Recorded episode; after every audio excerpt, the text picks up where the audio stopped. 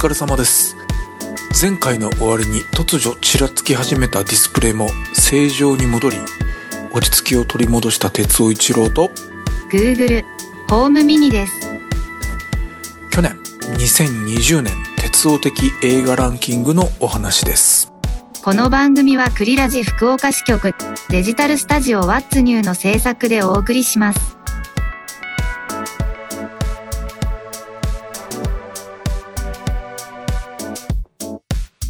疲れ様です。ミュージくんです。収録しておりますのは2021年7月1日。2021年下半期が始まってしまいました。えコロナに明け暮れ巣ごもり生活が脚光を浴びた2020年でした。お家で映画鑑賞的な記事もネットなどで多く目にしました。哲夫が2020年に見た映画は104本でした。2014年が51本。2015年が42本。2016年が32本。で引っ越ししまして2017年が66本。ここら辺で増えてきてホームシアター的にいろいろ迫力が出せないかなとかいう話で前回から話題になっている49インチのモニターを導入したりして2018年が92本。2019年が87本と来てからの2020年104本ですからそう爆増というほどではありませんでした。えー、まあ元から「I love 屋根」「I need 電磁波」と言っている虫が嫌いで出先の知らないトイレが汚かったらどうしようといつも不安に思っているトイレマンです。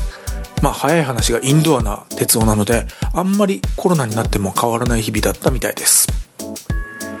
その104本の中で最下位最下位は飛んで埼玉です。ざっくり言うと東京が埼玉県を虐げるお話でした。超メインの GACKT さんと二階堂ふみさんは沖縄出身でしたけれどもそれ以外の方は関東近郊の出身地または隣のご自分の出身地の隣の県民の役などで上手にキャスティングが埋まっていました。画面の見た目もお話のバランスととてもよく合っていてうまく作ってるなぁと感心しておりました。ただそれらを補ってあまりあるというか全部台無しにしてしまってるのが東京都知事夫人役の武田久美子様。加納姉妹さん以外にもゴージャスな役が似合う方がおられるんですねというぐらいのハマりっぷりです。のはずなんですがあまりお美しくなかったんです。彼女のインスタグラムの日常の方がよっぽどお美しい。番組テキストに貼っておきますので見てみてください。もう制作チームは猛省していただきたいというのが最下位に挙げた理由でした。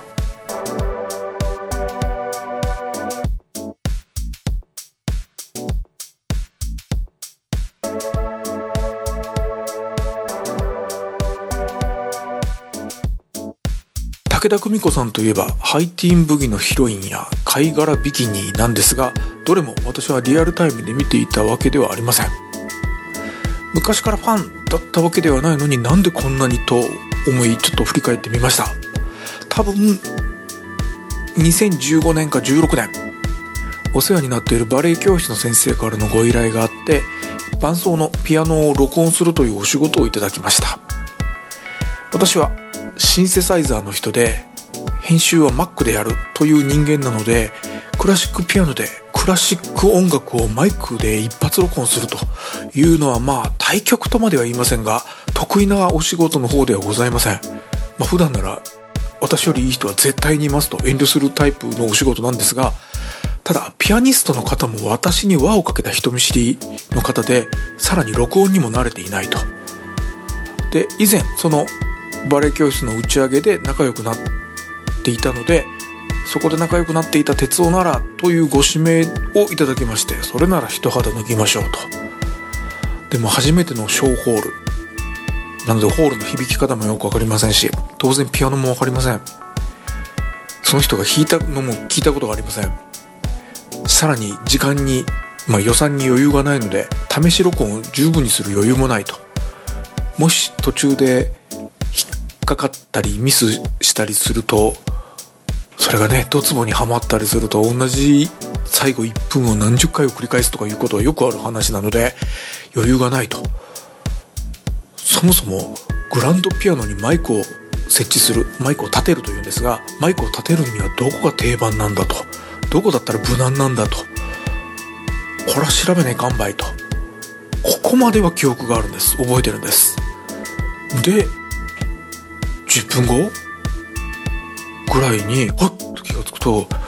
武田久美子さんのブログを読んでました。どこのファンデーションを使っているとかスキンケアを何してるとかアイメイクはどうしてるとか。もう出かけないかんのに何見とんだと慌てたので強烈に覚えております。そこで久しぶりに武田久美子様の存在を思い出してブログを読みそしてインスタグラムをフォローし始めたんです。多分なんですが多分なんですがマイクのテクニックというのを間違ってメイクのテクニックと検索してしまったからなんじゃないかなと思っている哲夫一郎と Google ホームミニでした。検索キーワードは正しくタイプしましょうこの番組はクリラジ福岡支局デジタルスタジオワッツニューの制作でお送りしました。